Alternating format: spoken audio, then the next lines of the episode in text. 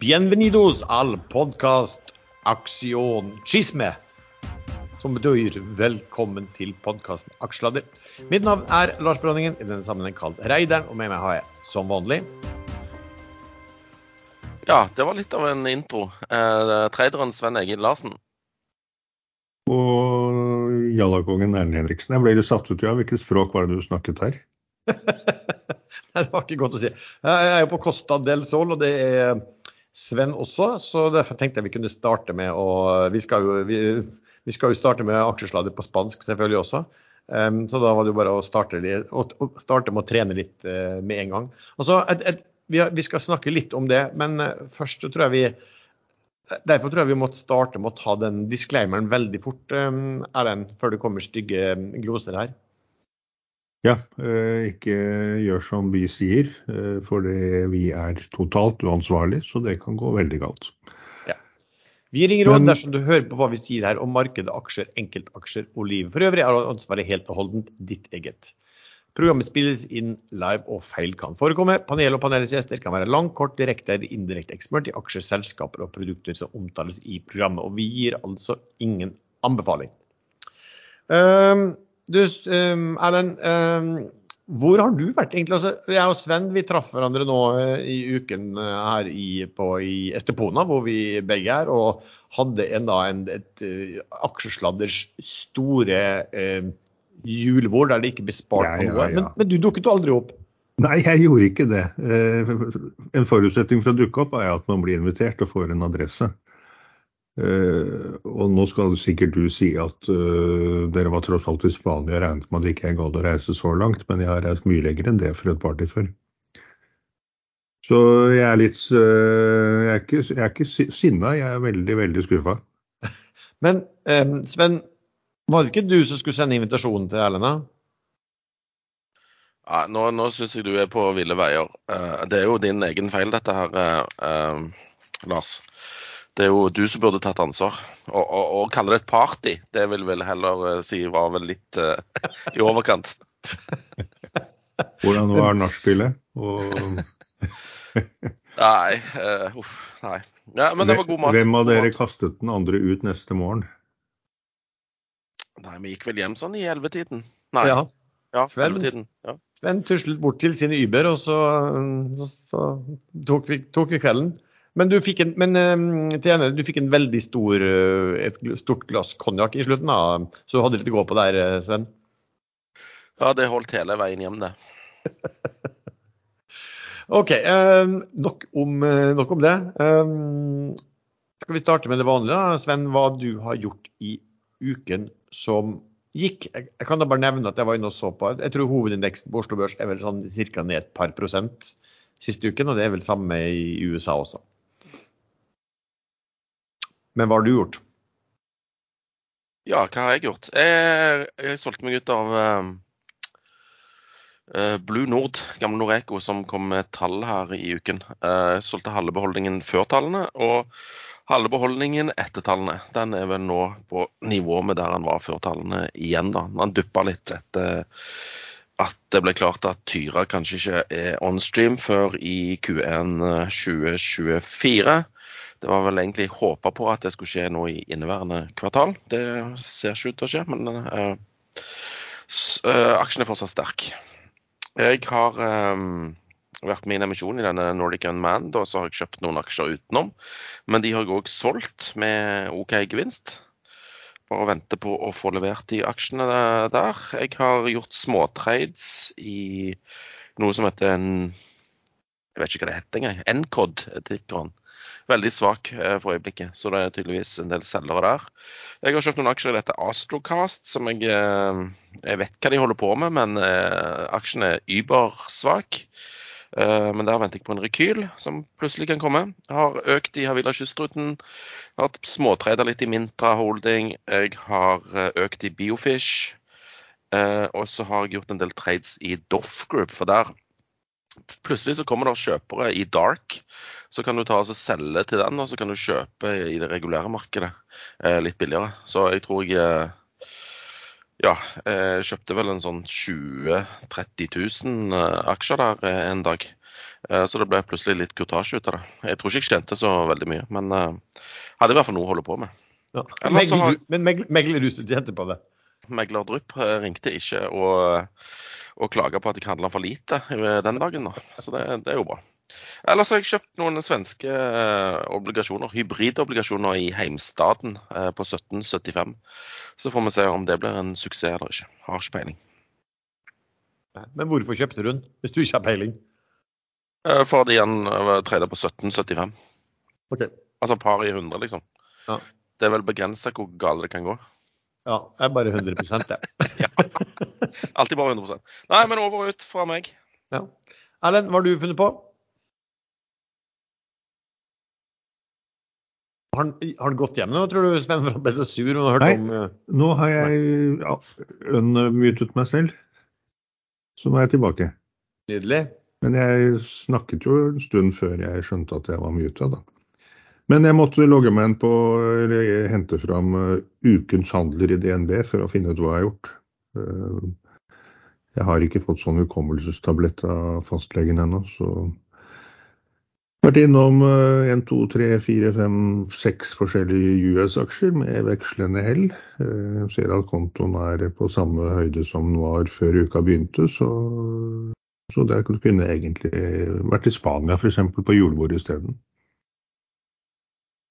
Men når sant skal sies, så uh, i går uh, så blåste det og regna, og det var relativt kaldt. Det har vel ja, det er ingenting, litt... uh, ingenting verre enn Spania når det er surt. Nei, det var, det var ille. Det, til og med du var vel ikke på stranden i går, Lars? Til og med, jeg var, jo, jeg var ikke tur på stranden med, med familien, eh, men det var på formiddagen. Da var det jo enda greit. Det var, var litt vind, men ikke noe nedbør. Så, men så kom det jo på mye på ettermiddagen. da. Men fint igjen i dag, så når vi er ferdig med alt, tror jeg jeg skal ta en tur opp på toppen her av, av leilighetskomplekset i badebassenget. Men jeg var ikke helt ferdig, da. Jeg, I dag har jeg tatt litt SAS. Den uh, spinner opp og ned mellom uh, fire- og sjutallet uh, i øret. Uh, er verdt null, som alle vet. Men når den klarer å gå til både 4 og 7, eh, så kan den fort gå til både 10 og 20 øre også. Det er jo ingen logikk bak, hvor, eh, bak prisingen av det selskapet nå. Så, det er et lite spekk. Bare en mild aksjer, og det er ikke mer enn 50 000 kroner. Men hvis den går til 0 til 50 øre, så blir det masse penger av det. Men det er livsfarlig trading. du bare finner på noe. Så tok jeg Argeo på Open i dag, etter at de kom med en uh, emisjon i går på mer enn 50% rabatt. Uh, du husker ikke hvor den sluttet i går, men den var vel på, godt på sjutallet. Emisjonen ble satt på 3,20. Og da er det selvfølgelig mange som uh, skriker. og de har vel både i børsmeldinger og i et Finansavisen-intervju vært litt for tydelige på at de har den finansieringen de trenger. Eh, de har kanskje sagt noe mellom linjene som ikke jeg har holdt med. Men jeg har vært veldig usikker på Jeg, var, jeg har selv skrevet på Ekstramester at jeg regner med at de setter en emisjon, men trodde den ville bli satt på høyere kurs, og ikke med så stor rabatt. Men jeg var heldigvis ikke inne i går. Eh, men jeg kjøpte på Åpen i dag på 3,90, og nå er den på 3,80. Og Grunnen er at eh, av de 78 millioner aksjene som ble kjørt i den rettede emisjonen, så er det kun 18 millioner som slippes nå. Resten kommer ikke ut før etter EGF, og det er jo alltid Den er ikke innkalt til ennå, den er vel sikkert om tre-fire uker. Og så skal aksjene noteres eller registreres først, før de kan slippes. Så da blir det sånn det jeg kaller et lite vakuum. Det er eh, ca. dobbelt så mange aksjer som kommer totalt etter emisjon og reparasjonsemisjonen, som gjerne kommer etter at de den rettede har fått alle sine. Det klarer jo disse sleipingene alltid å lure til seg. Eh, så der tror jeg at 3,90 var en grei kurs. Nå er den på 3,80 igjen. Så. Så sånn går nå dagene. Ok, uh, For min del så ja, jeg, jo, jeg er jo litt på reisefot eller på, på ferie, så jeg har tatt det ganske mye med ro i uh, denne uken. Um, vi snakket jo sist gang vel om uh, Global Energy Offshore sin emisjon på en krone. Den har jo også gått veldig bra. og Den åpna da når de aksjene var tilgjengelige, så åpna den og ble dumpa ned på ja, 1,1.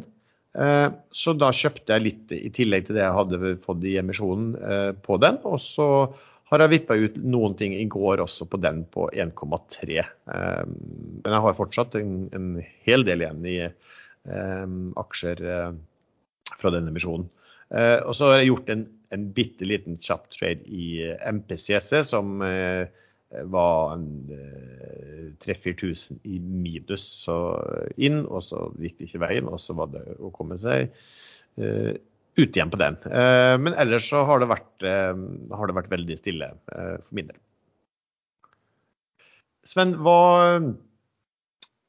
nå har det vært litt fart i, i, emisjonsmarkedet. Hva har du å fortelle om av ulike transaksjoner? Erlend nevnte jo én, altså Argeo. Var du med på den? Jeg var med på Argeo, eh, og så må jeg jukse litt og sjekke hvor mange jeg, jeg fikk. Men bare kort med AGO, der det vel, ligger det vel i kortene at dere som tegnet dere får veldig liten tildeling? Eh, hvorfor skulle vi få det? Ja, fordi det var flere som nevnte at man regner med det, at det blir liten tildeling. Eh, ja, eh, skal vi se. Jeg fikk litt over 50 000 eh, aksjer. Og du tegnet deg for? Tegnet meg for uh, den vanlige 100 000 euro. 300 000? Nei, nei. Ja, noe sånt. Men hvor mange av de 50 000 kan, kan du da ha? Hvor mange av de 50 000 kan du da, uh, får du da tilgang til med en gang og kan handle, Sven? Uh, 48 000. Nesten alt? Ja, ja, fordi jeg har en sånn snill megler i, i Pareto som, som spurte om jeg ville låne aksjer. Ah. Så, så, så, så, sa jeg ja til det. Så jeg har solgt litt på 395 og ned til 390. Kanskje det var mindre. Solgte du på åpen, da? Nei, da lå jeg og sov. Nei, men det, det, det, er jo ikke mye. Og det er klart man kan øh, Noen kan shorte, men øh, den aksjen hadde jo såpass store moment oppover, og de har jo de har jo fått til veldig mye på veldig kort tid nå. Mange avtaler og sharebåter kjøper seg inn også med oppgjør i aksjer eh, på 3,20, samme som emisjonskursen. Ja, Men jeg, tror den er mye bedre å kjøpe på 3,20 enn på 7,20, som var dagen før. Ja, absolutt. ikke sant? Men hvis den er mye jeg... bedre å kjøpe på 3,20, så, så, tror jeg 3,90 blir bra igjen. Nå er den på 3,85. Ja, ja. Men, altså, det, men, Argeo jo, altså, var jo årets børsvinner inntil i går, vel? Eller i hvert fall så at den var opp 328% i år. Og på én måned var den opp 207% så sånn, måte, sånn sett er det jo Vi har jo snakket en del om det, at sett emisjon når du kan, og spesielt etter sånne oppgaver. Eh, men så var det jo kanskje en del som har reagert på det, vet jeg, på sosiale medier. at eh, han, eh, Toppsjefen der han hadde vært i Finansavisen, var det Finansavisen sin TV. Og, og, og, det var en artikkel på det. og at han har, i hvert fall i hele Finansavisen han ha sagt at han tror også at børsverdien skal kraftig opp. Det er lett å se for seg en fire- eller femdobling på kort tid.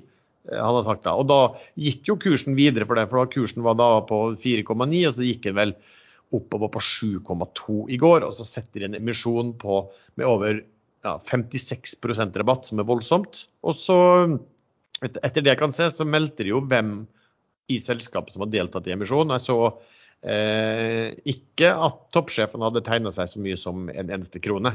Så, så, det er litt sånn å begynne å snakke om fire-femdobling, og, og, og, og, deretter så kuttes kursen mye i emisjon, og så deltar du ikke. Det, ja. Jeg skjønner jo hva folk eh, tenker. Deltar han ikke selv? Hva sa du? Deltar han ikke selv i emisjonen? Jeg har ikke sett det på den meldingen at uh, For de melder jo inn hvem som skal det, så jeg kan ikke si at han tegnet seg for en krone. Men det er bare sånn, øh, den ble jo veldig kritisert med en gang, øh, den fire-femdobling-uttalelsen. Så gikk jeg inn og hørte på FA-TV. Og han som intervjuet der, hva heter han igjen? Nei, ikke... ja, jeg husker utseendet på han, men husker ikke navnet. Men uansett, han er jo gammel ringrev i FA-TV, og han vet nøyaktig hvordan han skal klare å, å lokke folk ut på glattisen. Så han la veldig opp til, til det med mangedoblingen. Og han sier overselskapet, han bet på agnet og gjentok det. Og det er selvfølgelig uprofesjonelt, men eh, det var ikke så ille når man hørte på det, som det folk sier at det var. Okay. Um, hvilke andre Vi har jo hatt flere andre, Sven. Eh, hvilken? Nei, um, Lifecare kom i går uh, via Carnegie. Uh, skulle hente mellom 40 og 60 eh, millioner, og henta vel 42,5. Så de fikk så vidt uh, dekka den. Eh, men megler i Carnegie trodde den kom til å bli bra. De kan tredes i dag, ble gjort på 3,5 og handler nå på 3,6. Så der var det en tiøring å kjempe om. Ja, for, for der var det en eh, som tok eh, Han tok vel ca. halvparten i den.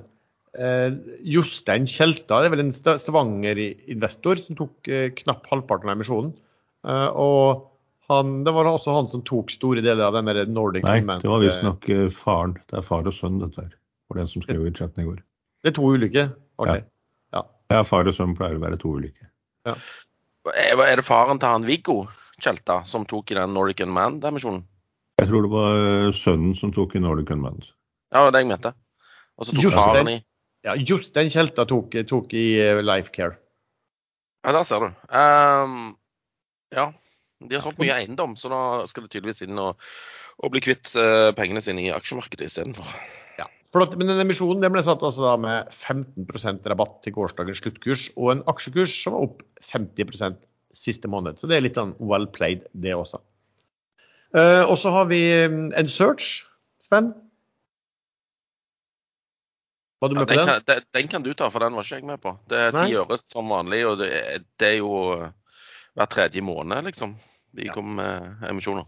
Ti øre del, del tre. Eh, første på ti øre var jo begge vi med på. Den ble jo egentlig veldig bra. Eh, og den andre på ti øre, der var altså jeg, jeg var en halv time for sent ute med tegningen min. Det var litt synd, for den hadde også blitt, eh, blitt uh, rimelig bra. Og så kommer da den tredje nå. Og nå er vel litt sånn forespeilet at nå skal det holde til de skal få partnere, bla, bla, bla, på, på gang der. Eh, ikke vet jeg om, eh, om de klarer å hva de får til, og om de klarer å få noe good news på det. Men det var jo bra, eh, det var jo bra sist gang. Og de kjente aktørene, finansaktørene der er jo med og skulle tegne seg for sin andel eller mer. Så jeg tenkte at OK, da blir jeg med på, på den også. Så får vi se. Men det, det blir en sånn trading-bit, og så håper man at det er jo et sånt selskap som tidligere har vært i stand til å lage litt hype, og så må de ja, gjerne gjøre det for min del igjen. Får vi se hvordan det går. Der har vi fått eh, en del av aksjene i dag. Si at jeg fikk i eh, 35% av aksjene i dag, da. Og så får du resten i en transje to, da. Den siste to tredjedelen får du om noen uker, for det må vel gjennom en eh, ja, generalforsamling og litt sånne, litt sånne saker. Og Den ligger vi nå i akkurat mens vi snakker, så ligger da en search. Jeg så på den før, og da var den, lå den vel noen prosenter over eh, Den har vært nede i 0955 i dag, og nå ligger den på 01016. Ja. Jeg har vurdert å ta den, øh, legge meg rett under 10 øre øh, og ta den, bare for å kunne fortelle i en aksjeslader at jeg fikk den billigere enn deg, Lars. Ja, feel free. um, det er en også, men så har vi også da, vet ikke om du fikk med deg Sven, Teko er, jo- er jo en sånn litt sånn ATM-melding. Fikk du med deg den? Ja, eh, finansakrobatikk på høyt nivå. Eh, låne inn eh, 20 millioner aksjer fra største eier, eh, selveste Teco sjøl. Eh, og så skal de selge disse i markedet da, for å kunne finansiere eh, videre vekst. Og så skal de eh, emittere mot Teco-eier neste år. Så det er en snodig, fiffig måte å slippe å gå bredt ut i en emisjon. De selger aksjene rett i markedet. Men så også var det noe sånn spesielt at, hvis jeg skjønte meldingen riktig, at de må rette denne emisjonen mot Teco, den TK Group, da, som er sånn storeier der, eh, en gang i eh, sommeren neste år. Altså, liksom, hvem, hvordan skal man da forhandle på pris? Hvordan blir pris på det? Det var vel eh, ja, ikke så greit å forstå. Men, så, så der kan man forvente seg så en sånn ATM-løsning er jo da sånn type amerikansk at, at de gjør en emisjon med at de selger litt og litt i, i markedet, men det er jo egentlig det de skal gjøre her også. da. Eh, vil sannsynlig, de vil kanskje prøve å plassere det på noen hvis mulig, men ellers så vil de da måtte selge aksjer i eh, markedet selv for å finansiere driften sin videre. Er det den aksjen Tore Enger er i? Det er TK, ja. Tore Enger Corporation. Akkurat. Så har vi en fortrinnsrettsemisjon i Lumi. 9,75 denne gangen. Um, vi snakka jo om og vi en del om den, både i forbindelse med at det kom inn et uh, britisk eh, sånn, uh, fond som oppkjøpsfond og fikk tak i over 50 og også litt pga. litt spesielle eh, regnskapstall de leverte til en periode. Og nå har jo tallene blitt, blitt mye dårligere enn hva de har forespeila. Og banken, ifølge melding, har forlangt at de må hentes inn 50 millioner som skal brukes til å nedbetale bankgjeld. Så de som ikke takket ja til tilbudet til 15,25% de eh, sitter da i selskapet nå og må delta i en fortrinnsrettsemisjon på 9,75. Eh, men eh, prosent, ja. 15,25% sa du? Ja, det var jo ikke riktig. 15, Nei, du mente kroner? Yes, kroner. Og ikke, og ikke pesetas? Mm, nei, det fins jo ikke lenger heller. Kanskje for deg, men det er riktig. Uh, og så kom det en melding i går. Um, Sven, fikk du lest den der Northern Drilling som vi har snakket om, som har treida litt i og herja litt i?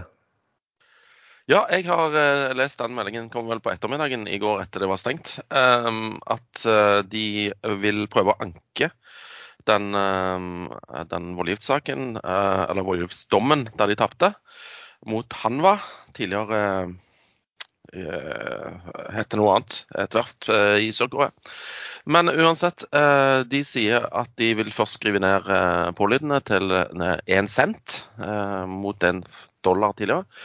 Og for å hente inn penger, så sier de òg at kursen kommer til å bli ganske nær pålydene, de nye pålydene på én cent.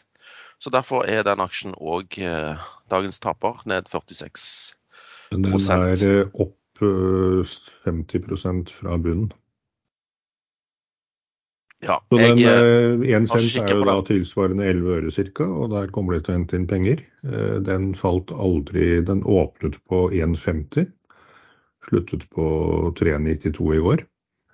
Eh, og var aldri under 1,35, og nå er den på 2,10, men gått i CB. Og den matches nå rundt 1,20-1,25. Men det var Nei, 2,20-2,25. Så det er det er jo Jeg satt og vurderte om jeg skulle ta den eller Argeo i dag, men følte at Argeo var litt safere. Det var selvfølgelig det man kaller pinglete, for Nodel er jo Der kommer det ikke noen nye aksjer før om lenge, så jeg burde jo skjønt at det var den man skulle tatt. Jo, men uh, hvordan kunne du skjønne at du skulle betale 15 ganger så høy pris som ja, det, det, er noe, det, er noe, rart med disse åpningene på sånne aksjer. Det er stort sett der den bunner ut. Nå har den vært 10% lavere, men det, Se på SAS òg, eh, da den kom på markedet. Den åpnet på 1,08 øre, og den aksjen har vært absolutt null og niks. Eh, men den har aldri vært under det. Den gikk jo syv, syvgangeren derifra samme dag. Ja. Men det som er litt spesielt i den meldingen, som merket meg de skriver altså De skriver jo også at det er en voldgift, og at det da begrenser muligheter til å, mm, å anke det. Eh, og de, ja, de, de, skriver liksom at eh, de kaller det 'serious irregularity'. Og da, eh, ikke, da trenger man ikke altså, sånne tilganger hvis man gjør dette her. Da. Så det virker jo veldig konstruert. Men det som jeg merket meg hvis Vi husker vi, vi, snakket om den før, så var det sånn at de tapte jo en sånn sak. Den saken som gikk på to, to sak da, mot Hanva. Men så var det jo en tredje sak også som ikke var kommet i gang ennå. Um, som de har skrevet om uh, i, i Nodel. Og, men nå skriver de at uh, hvis uh, Altså hvis the awards stand, så, så, er det 'therefore do not see a value of its equity should the awards stand'. Så, altså, så nå skriver de plutselig at det, det, altså det, hvis den voldgiftsdommen opprettholdes, så, de, så, så er liksom aksjen verdt null. Ja, det er ikke bare hvis den opprettholdes, det er eh, også hvis anken avvises, og det er det en betydelig fare for. Ja. Og da er aksjen verdt null. Eh, men den vil nok bli tredet etter det også, så den kan være mange morsomme Det, det, det går jo ikke an å avregistrere en aksje på samme dag. Det må søkes om, og det må godkjennes, og så blir den tredet sikkert i noen uker før den tas av børs. Ja. Men det spesielle, hva skjedde med den tredje saken? For der har man jo ikke, der, jo ikke, der de hadde et eh, claim og et motclaim. For der er det jo ikke, det foreligger jo ikke noe dom der, men eh, nå sier de jo allerede at eh, det har vært null. Så er den liksom bare lagt til side, kanskje? Litt skjult i meldingen at den har de bare droppet. Kanskje de er ganske like, de sakene? Jo, men de har jo egentlig skrevet før da, at det er ulike saker. og Det, de, de, ja, det, det kan godt være. Um, de skriver i hvert fall ikke det. Jeg bare reagerte litt på det, at de ikke nevnte i hele tatt at de hadde en, en tredje sak som egentlig ikke var kommet i gang i rettsapparatet ennå. Men det er sikkert sånn som du sier. Men i alle fall, eh, de, de skriver at de må hente 33-38 millioner kroner. Eh, kurs eh, da blir rundt, kanskje rundt 11 øre. Kan du forvente deg? I, ja, I første omgang, men hvis de, saken gjennomtas, så må de hente hjem mye mer. Ja. Det de skal hente inn penger til, det er selvfølgelig å betale lønninger og opsjoner og bonuser og den pakka der, men også til, hovedsakelig til advokatutgifter. Litt spesielt, men Jon Fredriksen er jo ikke den som, eh, som gir, seg, eh, gir, seg, så lett, da. Eh, men da var vi gjennom de Var det noen flere da som hadde vært da? Nei, det var jo ikke det. Nei. Jeg sitter bare og ser på Tomra-kursen. De, de kom jo med tall i dag. Og de har tydeligvis skuffa radikalt. I aksjen ned 18% til 90,5. Det er jo uvanlig uvanlig å se Tomra under 100, liksom. Husker så jo den på over Var ikke den over 300 spenn eller noe for ja, det er en stund siden nå, ser jeg, men uh, den er jo ned 44 halvert da nesten i, i år. Og det, og, og det fallet har kommet de siste, de siste tre månedene. Lukter nesten litt julekule av den der. ja, den begynner jo å bli en av årets tapere, da. Men jeg klarer jo ikke nå å la være å nevne min lille teori som slår til gang på gang, at alt som faller til under 100 og etablerer seg der, det skal til 50. I hvert fall 50-tallet. Det har man sett på Skatek, og i dag så har man det på IOX. IAX er for eksempel en møkkeaksje som ingen må røre, bare så, så, det er nevnt, bortsett fra som ren trading. Så det, det, skjer gang på gang. Det er noe psykologi der. Men eh, det er jo bra du tok opp litt sånn skuffelser, da, Sven. fordi at det er jo enkelte Nå har du kommet litt sånn større selskap som har skuffet veldig. Tomra er jo en ganske stor, det. Og eh, Nordic Semiconductor kom jo også på tirsdag med tall. Og den kursen falt jo 20% på det. Ehm, der har jo meglerhusene egentlig vært veldig eh, positive, nesten alle. Eh, jeg vet ikke om det er stort sett Sparebank1 som har vært, eh, vært negativ til den og, og, hatt rett, mens de andre nå kutter jo febrilsk dette kursmålet sitt for ikke å se enda, enda dummere ut. Ehm, den har vel vært nede, den var vel på i inngangen til uka så var den på 116 og noen på, noen på 90. Så den har også fått en, en, en, en kjempe, kjempesmell. Er det noe andre også? Var ikke det DNB i går, var ikke det også noe som fikk seg en. Eh? DNB kom vel egentlig uh, in, in, line, men forventningene, altså Whisper-forventningene var nok en del høyere. Så det ble litt skuff på den òg. Ned 6-7 hvis jeg ikke husker feil. Det ble 7 og det, og det er igjen altså, mye for, for den type selskap som kanskje et tegn på nervøsiteten. Ref også sånn Tesla i USA som hadde falt i 10% eller noe.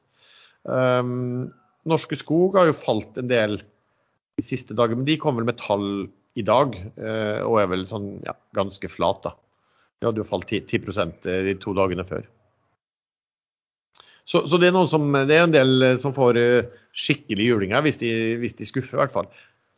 Er, er det, sånt? det. Det er jo nesten ikke noe krig og uroligheter og noe sted i verden. Alt er jo bare fryd og gammen. Yara må vi jo si selvfølgelig. Det er jo også en gigant som eh, i dag leverte tall dårlig. Minus Det var ironi, Lars. Hva? Det var ironi. Vi har en Ukraina-krig gående, og så har vi litt uroligheter i forskjellige valg i Europa hvor uh, det går veldig veldig langt mot høyre mange steder. Bortsett fra Polen, der gikk det bra. Da avslører jeg selv hvor jeg står politisk, men det tok jeg sjansen på. Der vant de moderate, så PISA-partiet de forsvinner i løpet av november-desember en gang. Så lenge klarer de å drøye det. Men i Midtøsten er det jo helt eh, full krise nå. Ja, og Da blir jo markedet volatilt. Men eh, Eh, Kan ikke du, Sven, dra oss gjennom altså det er jo på, Nå kjøper jo du rentepapirer, så da, da kan du jo liksom oppdatere oss litt hva som skjer på, på rentemarkedet og USA. Og makro, hva det måtte være. Ja, Nå maser naboene her om jeg har lyst til å bli med og spise en engelsk, litt sen engelsk frokost eh, der på lokalet. Så jeg må bare stikke, jeg.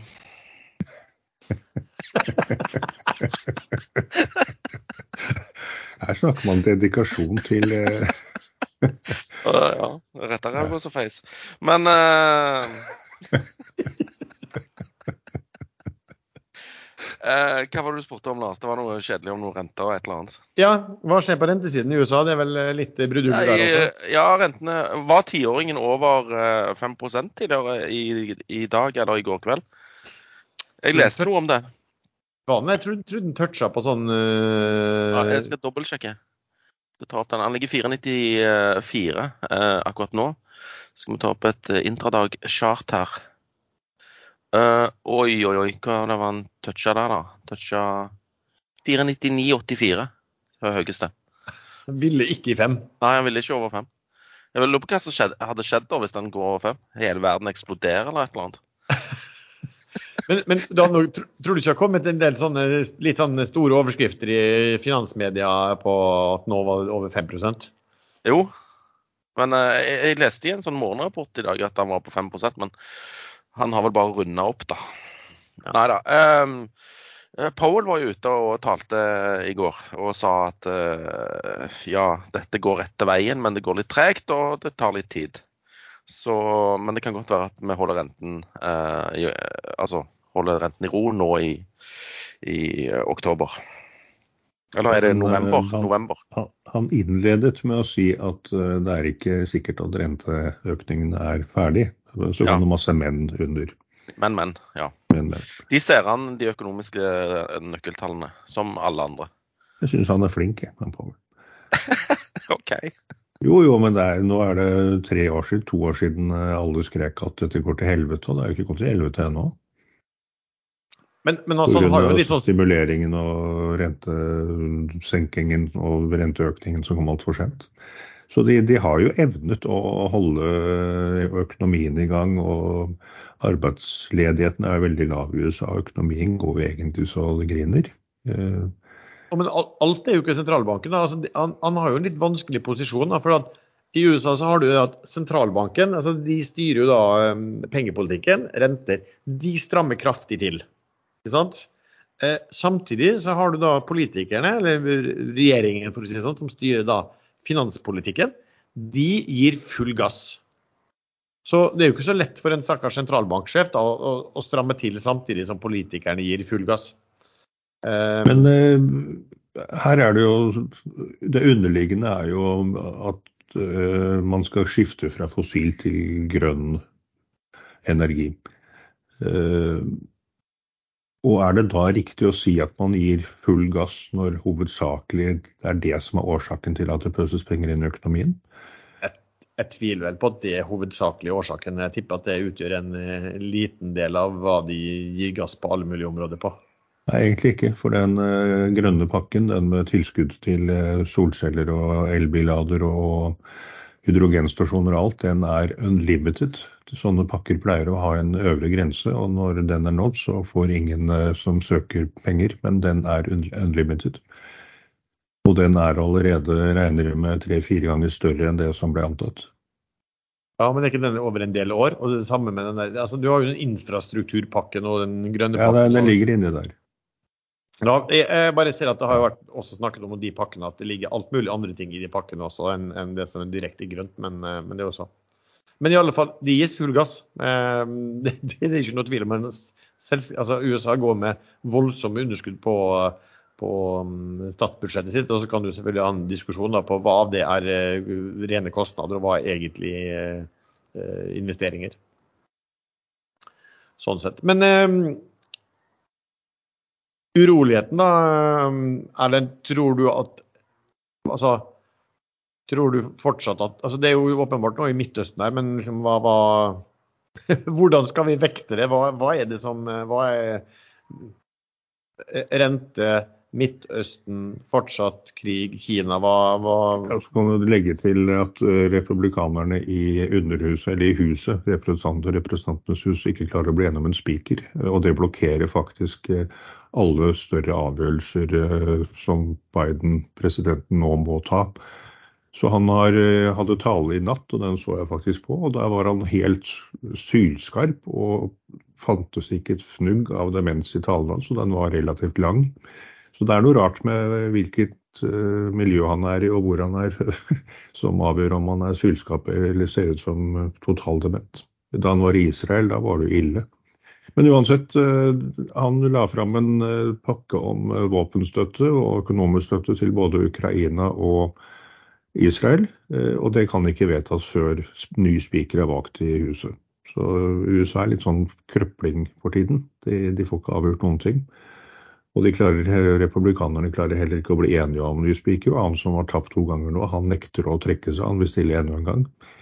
Så det kommer oppå at, eh, at andre ting skjer. Og selvfølgelig de som nå ønsker å utnytte situasjonen i Midtøsten, eh, eventuelt vil angripe Israel, de vil jo gjøre det hvis, eh, hvis de vet at Israel er svake fordi de ikke får nødvendig våpenstøtte eller pengestøtte fra USA. Samme i Ukraina. Så Ukraina, der må det sendes penger hele tiden. Eh, det er lønninger til alle statsansatte som USA har påtatt seg ansvaret for sammen med noen andre land. Og etterfølging av ammunisjon. Og dette stopper opp nå. Eh, så ting kan utvikle seg i veldig feil retning eh, pga. en sånn bagatell som at noen surrekopper i Kongressen ikke klarer å bli enige. Um, oljeprisen er jo opp 80% på, åpenbart på denne her uroen. Følger du med liksom på, på, på, turene rundt, og hva, hva, er det som, forutenom generell uh, uro, er den som ligger bak oppgangen? Nei, først har det jo vært uh, OPEC eller Saudi-Arabia som har redusert tilbudet på olje sammen med Russland. men akkurat nå er det potensiell fare for storkrig hvor Iran er involvert, og det vil jo trekke inn mange land i regionen. I går ble det sendt raketter fra Jemen eh, som ble snappet opp og skutt ned av et amerikansk krigsskip eh, utenfor Oman. Eh, og det er Omanbukten, er vel denne inngangen til Suezkanalen. Så alle ble skutt ned, men de var høyst sannsynlig på vei til Israel. Og iranske raketter, som er de som sendes fra Jemen, de er ekstremt treffsikre sikkert mange som husker bildene av oljetankene i Saudi-Arabia som ble penetrert av iranske raketter sendt fra Jemen eller et annet sted. Det tror jeg man aldri man blir helt sikker på. Men det var ett hull i hver oljetank på akkurat samme sted. Så det er noe helt annet enn disse rørerakettene til Hamas, som er laget av gamle vannrør, som er levert av Eh, litt naive vestlige land for å sørge for vannforsyning til eh, Gaza. Eh, de graves opp av Hamas og kappes og tilpasses og omformes til raketter. Men de er jo primitive og lite treffsikre. Så hvis Iran blandes inn, så kan det komme raketter både fra Syria og Libanon og Jemen og eventuelt eh, fra andre land i regionen som er Iran-vennlig. Så da kan, da kan, det fort utvikle seg til en mye, mye større konflikt enn vi ser nå. Og da blir jo selvfølgelig markedet redd for at eh, det involverer oljeproduksjon og oljeleveranser, og kanskje da særlig fra Hormuzstredet, som Iran relativt enkelt kan stenge. Og det har de gjort før. Ja, for Du har vel en, en ganske, ganske, mange aktører som eh, med glede og som gjerne vil sette mest mulig fyr på det, på, det, på, det, på det, bålet der for å lage bråk. Altså, Russland er vel ikke misfornøyd med at oljeprisen går og at det er noen fronter for USA og bråk i, i, Midtøsten som tar bort litt fokuset kanskje mot uh, Ukraina. Og så er det vel en, ja, mange av disse uh, mange av disse arabiske landene har jo en befolkning som uh, blir, går, av, går, av, går, av, skaften også. som det, så det er ikke lett for de å si noe annet enn at ja, være, være tøff i ordbruken. Du ser jo Egypt de holdt en tale i FNs uh, hovedforsamling uh, etter at uh, både Israel og USA hadde lagt seg ganske klare bevis på at det ikke var en israelsk rakett på avveie eller bevisst som traff dette sykehuset, men at det var en Hamas-rakett som feil Som et eller annet skjedde med den, så den traff rett på parkeringsplassen foran sykehuset. Det er ganske åpenbart at det stemmer. Det manglet krater, og sykehuset ble ikke skadet i stor grad. og, og dødstallene er skrudd høyt opp. Men denne egyptiske ambassadøren til FN han gjentok alt som at det var Israel som bevisst hadde skutt, truffet dette sykehuset. Så Egypt burde De har jo, de har jo ikke noe ekstrem muslimsk regjering. Det er jo tvert imot. Han Sisi han kastet jo dem på dør og har forbudt alle demonstrasjoner. Men, og de mottar jo også våpenstøtte fra USA, så hva de holder på med, det sliter jeg litt med å forstå. Er, ja. Men de kan vel ikke formelt sett støtte eh, et Israel mot eh, en arabisk befolkning? Da Nei, men de trenger ikke å gå så hardt ut og støtte Hamas. Nei, eller, eller, at du, eller, at du, bare gjentar disse her, eh, altså, de, de, første eh, rapportene da, om hvem som sto bak. Nå, nå, vet jeg ikke, jeg har ingen anelse om hvem, hvem, som står bak og hvor, hvor de bevisene hvor, hvor liksom, gunstig det er. men det, eh, for å si det, sånn, Du så ikke bare i araberverdenen at folk konkluderte med hvem det var og hvor ille Nei, det var? Det var det jo store nyhetsmedier i hele Vesten også som konkluderte med at det var Israel som hadde gjort med vilje. Men uh, nå har jo de fleste trukket tilbake disse historiene. Men akkurat denne, denne, episoden er såpass åpenbart. Det er uh, satellittbildebevis, det er uh, videobevis fra raketten som uh, plutselig eksploderte i luften og ramla rett ned, rett over dette sykehuset. Og det er bilder fra bakken hvor det mangler krater. Så, så det, det, er sjelden, Og det er til og med lydopptak fra Hamas-kommandører som diskuterte Fikk med seg at den raketten ramla ned på sykehuset, og diskuterte hvordan de skulle få dette ut i verdenspressen. Så det er veldig sjelden jeg har sett så klare beviser for at her er det helt bevisst feilinformasjon som har blitt spredd. Ja. Sven, jeg nevnte jo at uh, oljeprisen var gått opp 8% og Ofte får du oljeservice og rigg som da stiger bra. Jeg så inne nå på Seadrill, men de er jo ned 5% siste uken. Og det var andre riggselskap som har vært uh, svake også. Så kom nå Pareto kom med noe uh, ja, litt interessante kommentarer på, på riggmarkedet i dag. Hva, hva var det? De sier at de ser for seg uh, litt sånn um, ja, litt svakere rater for uh, rigger som ikke er top notch uh, i perioden framover. hva de bygger det på, det vet jeg ikke helt, for jeg leste kun overskriften. Men det er jo litt spesielt, da, for alle er jo Bull rigg, Bull offshore og Bull, bull alt som, som er stål på, stål på vann, som har noe med olje å gjøre. Så ja, eller, men de har jo tydeligvis sett noen datapunkter da, som uh, leder de til å, å, komme til denne konklusjonen. Uh, ja, de, jeg ser bare at de skriver her at det, ja, det, det, er en sånn winning bid i en, sånn, i et, uh, i en anbud som ser ut til å ende opp rundt 300 000 dollar dagen. og da, der har det vært snakk om 400 000 tidligere i år. Så det er vel en liksom, utflating av, eh, av, eh, av, prisingen, da, og kanskje liksom, litt mindre momentum i forhold til at det har jo vært et oppgang, og noe er det mer, mer soft. Så, så, det var en liten sånn liten, Selv om de sier at de er jo fortsatt har et positivt syn på sektoren, så er det litt spesielt altså når de, skriver om, de, de, de snakker om near term softness, som, er, som, kan være verdt å ta med seg. da, men, men, dette gjaldt uh, dyp, dypvannsmarkedet. Det er ja. primært. da. Eh, de snakker ikke noe om, om, om jackups. Det er boreenheter som er klar for dypt vann. Ja, stemmer. Jeg ser det kom melding i Argeo om generalforsamling. Den blir 3.11. Det er akkurat 14 dager til. Så fredag om to uker. Det er, det er litt kort tid for å få til et ordentlig vakuumrally i den, men burde bli litt. Mm. Kanskje. Uh, skal vi se, vi har fått en del spørsmål som alltid. Um, her er en til deg, Sven. Eh, det er en som er nybegynner. Hvordan skal man som nybegynner finne seg en strategi? Og f.eks. hvilken strategi uh, kunne han ha som tiårsstrategi? Det var jo et veldig vanskelig spørsmål, da. Ja. Det var jo bra, det. er det du som har funnet på dette? Nei da. AI-boten den som har funnet på dette? Nei, jeg vet, jeg vet da faen. Jeg. Altså, når du er nybegynner Du kan ikke bare begynne med aksjer. Du må jo liksom sette deg inn i ting først. Uh, så det spørs jo hvilke kunnskaper og, og uh, hva du sitter på av, uh, av holdt på å si, kompetanse. Eh, alle kan jo kjøpe en aksje, men eh, jeg, jeg, jeg, syns dette var et ekstremt vanskelig spørsmål å, å svare på. Det, det er pengemengden han uh, disponerer? Har den innflytelse på hvordan man burde starte? Nei, du kan ja, det, tenke, det er jo lettest å starte med Tenk at det er litt mindre da, hvis det er en nybegynner.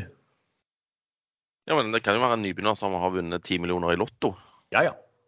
Så, ja. Nei, jeg, jeg, jeg, jeg Erlend, vær så grei å, å svare på dette for meg. Ja, nå, nå, lokker jo du meg på banen til å si at da må man gå all in i de første fem casene, og så har man 14-doblet eh, pengemengden sin, og så kan man roe seg ned litt. Men det mener jeg faktisk ikke selv. All in eh, går All in flere ganger på rad, det ender alltid med null. Nei, ikke hvis du dobler innsatsen hele tiden. Den har ja, sånn. martingale-metoden. Men all in betyr at du har ikke noe du blir med, Sven. OK. Men si at vedkommende har mye penger, da. Da anbefaler jeg å bare gå bredt og all in og, eh, og sånn. Og så taper du de pengene fort som faen. Så er vi ferdig. Og så har du lært mye? Du har lært at du ikke skal gjøre det, i hvert fall. ja. Um, altså for min del vil jeg si at hvis du skal være lenge i aksjemarkedet altså det, er vel nesten sånn to skoler. Enten så er du fundamentalt og ser på hva selskapene tjener og leverer, eller så er du, drives du kanskje av momentum eller teknisk.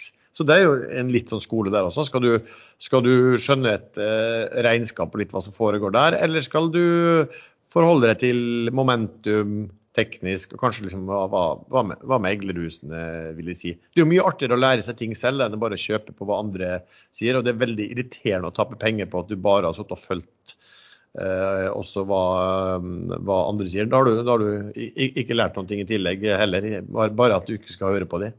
Så, men det er jo ikke sånn det er jo ikke så lett. Altså, hvis jeg hadde skulle starta råd, så ville jeg starta liksom med litt, litt jeg ville starta med litt solide selskap hvis du skal inn med noe med en gang, og så lært meg litt fra det mm, underveis. da. Så, så uh, lære en del mer før kanskje man går på de litt mindre og, og, og um, ut på risikoskalaen. Nei, men jeg, jeg, kan, jeg kan... om det var uh, Fredelig eller Spetalen som sa det, men aldri sett en situasjon hvor det er bankene og ikke du som bestemmer når man skal selge. Kan det ha vært en annen òg. Men er, hvis man girer, så, så risikerer man at uh, man må selge. Og hvis man ikke klarer å ta det valget selv innen tre dager, så blir man tvangssolgt. Men jeg kan relatere dette spørsmålet til noe uh, i en, noen, en spalte vi kan kalle for 'Eplet faller langt fra stammen'. Uh, jeg var jo ute og spiste middag med deg, Lars, og din kone og din Er det eldste eller yngste? Eller eldste. Eldste sønn. Og jeg spurte jo han om han drev på med aksjer. Og han hadde investert i aksjer. Og hvilke aksjer satt han med? E Equinor var det vel.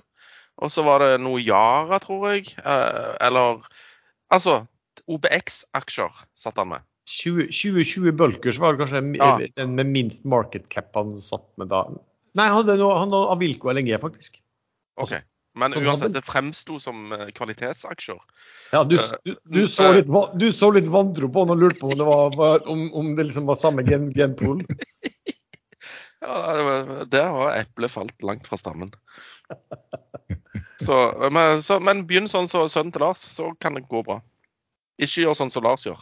Nei, det, det er faktisk helt sant. Start litt, eh, litt, litt roligere enn det der. Um, vi var inne på rigg, altså et spørsmål om rigg. Om uh, noen utsikter på deep value driller. Er du noe informert der, Sven?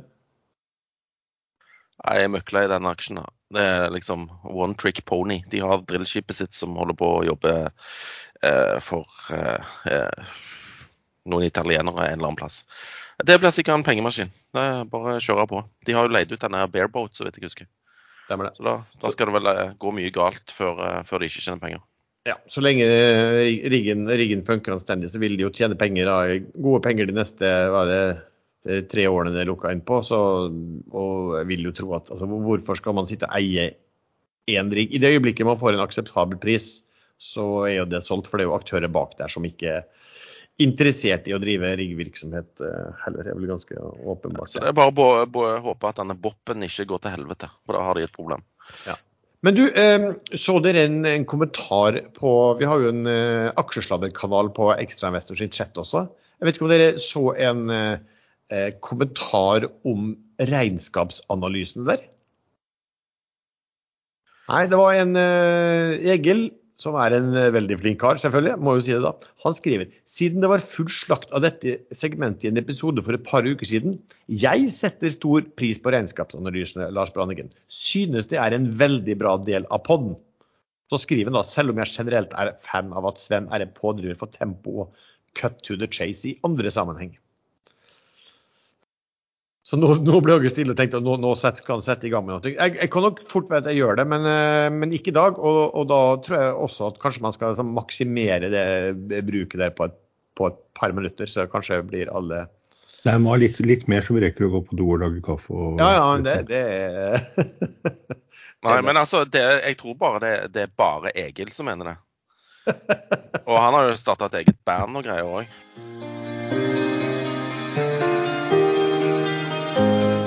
Aksjesladder sponses av 3D-megleren IG.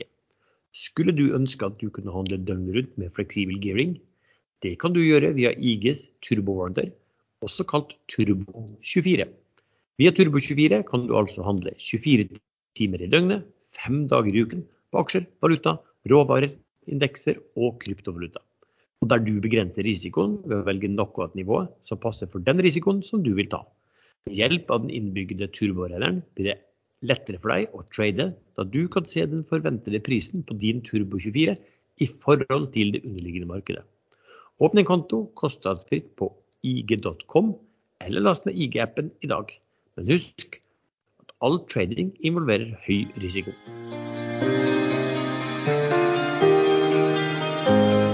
Et spørsmål jeg har fått er jo om da mm, Bergen Bio eller Bergen Bingo Uh, om den bare kommer til å fortsette å dundre videre. Altså, den er jo opp da uh, Bergen Bio, som gjorde en emisjon på ti øre.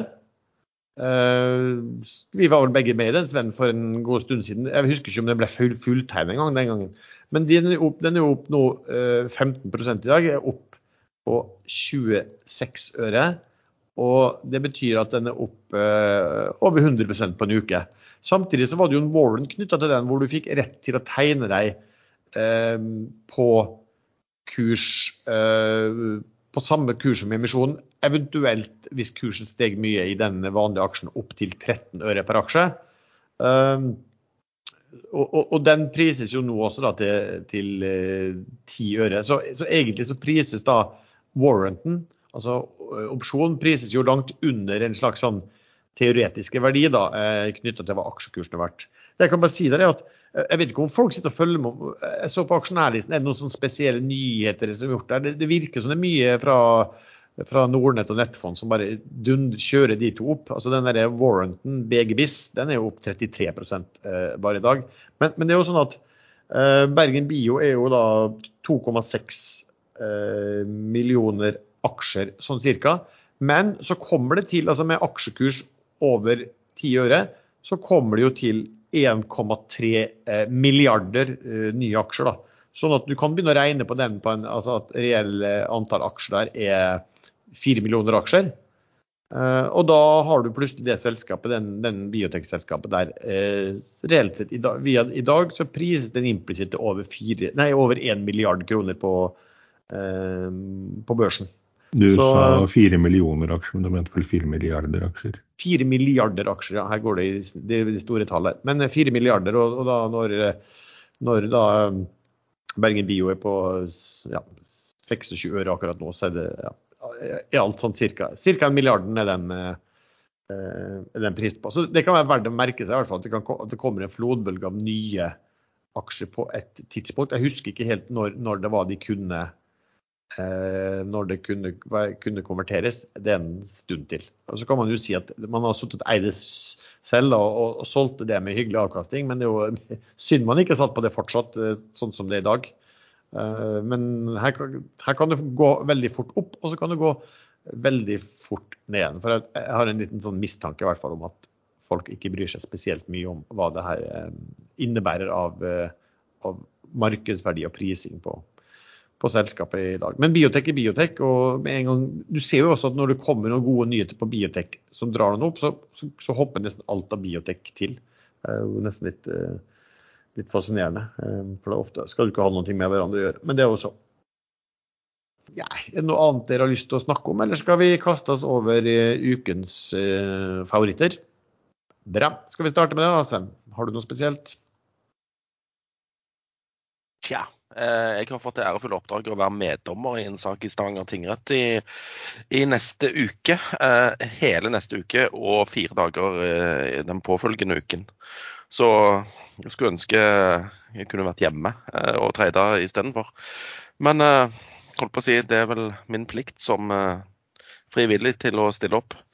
Så jeg har vel egentlig ikke sånn, sånn superfavoritter for, for, neste uke. Men jeg beit meg litt merke i at uh, Quantafuel uh, kom en melding der de hadde gjort om på denne her uh, konverteringsdatoen uh, og konverteringsbeløpet som største eier Viridor kan utøve. Det, den kunne de utøve over september neste år. Men nå har de endret det til at de kan eh, konvertere gjelden eh, som de har eh, gitt til eh, selskapet, eh, anytime.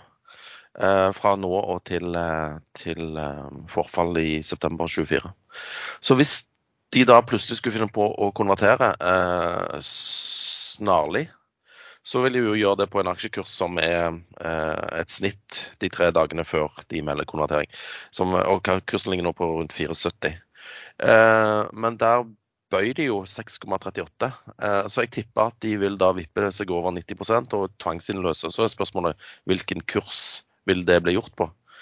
Eh, og, og, det skal liksom være en minnelig løsning hvis du ikke har noen budkurs og, og, som du kan relatere til. Så det kan bli litt interessant å følge med på den, om, om det kommer en gjeldskonvertering eller ikke der. Kommer den, så tror jeg du kan være heldig å få 6,38. Ja, noe mer? Mm, nei. Følger jo med på de vanlige.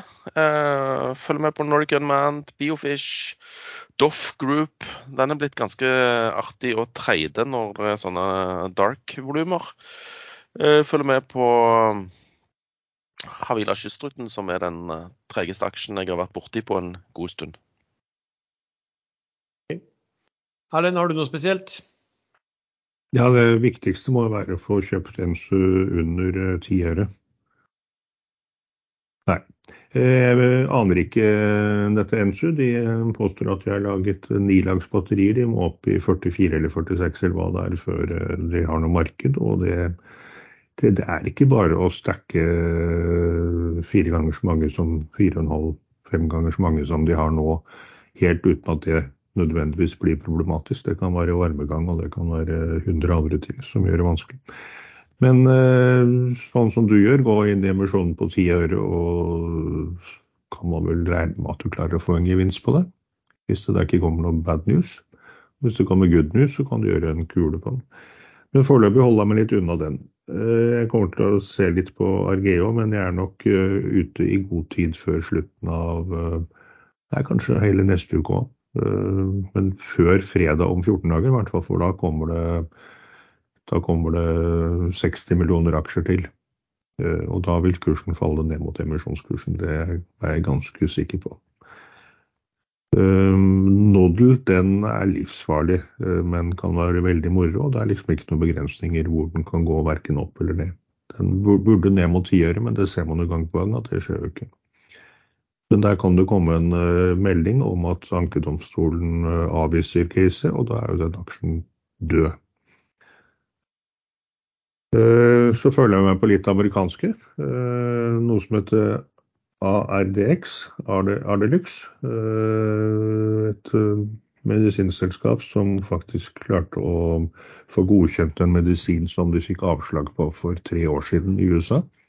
Eh, noe nyre, og dialysesupplement noe som gis for å redusere et eller annet innhold av noen uheldige stoffer i blodet. Eh, og de har allerede ett eller to andre produkter ute i markedet. Og de fikk i tillegg eh, økt en kredittramme kraftig til rente under 8% som er godt i dagens marked, og forfall først i 2027 og ingen, ingen konverteringsmuligheter. Så det er ikke sånn dødsspirallån. Den gikk veldig pent opp på meldingen som kom. Jeg har falt nå litt tilbake, men den tror jeg faktisk er en ekte aksje. Tikkerne ARDX. Jeg er ikke inne akkurat nå. Tja. Den kinoaksjen, den AMC, den uh, tviler jeg sterkt på at drar nå videre. Taylor Swift-hypen uh, er over. Kursen har falt tilbake. Og nå må de vise ved noen kvartalsrapporter at de begynner å tjene penger.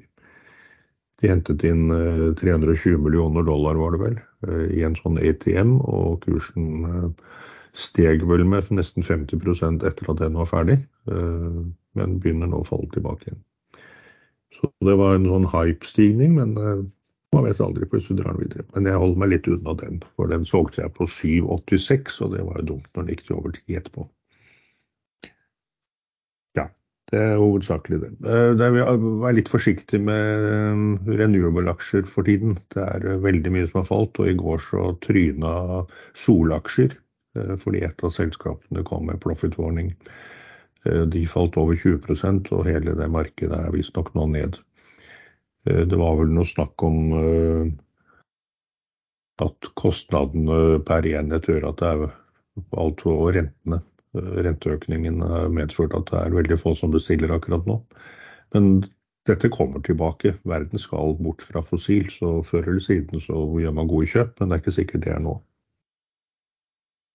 Ok, eh, så, så, forresten akkurat nå at Slumberger kom med tall, er vel det som er SLB, eh, som var helt in line på både på justert EPS omtrent og på inntektene man, når det er helt in line, så blir man jo litt, eh, tenker man at det er litt dårlig. For det som ofte skjer da igjen, det er, og det skjedde jo faktisk i Tesla også, er at den siste perioden før um, selskap skulle komme med tall, så begynner en del meglerhus, hvis de kanskje har ligget høyt, av en eller annen merkelig årsak, så begynner de estimatene å bli stille, og i all stillhet nærmest eh, kuttet.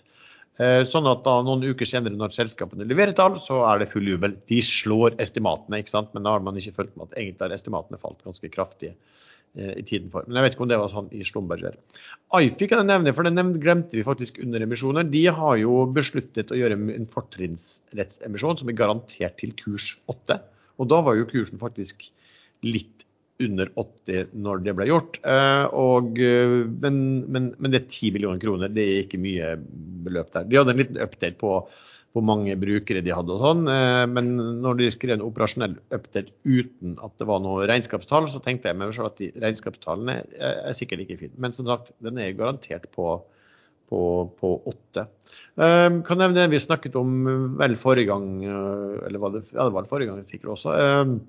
American Shipping, Sven, som vi, vi, nevnte, der har de jo kommet og fortalt at utbyttet blir 26, hva det, 26, 16, tror jeg.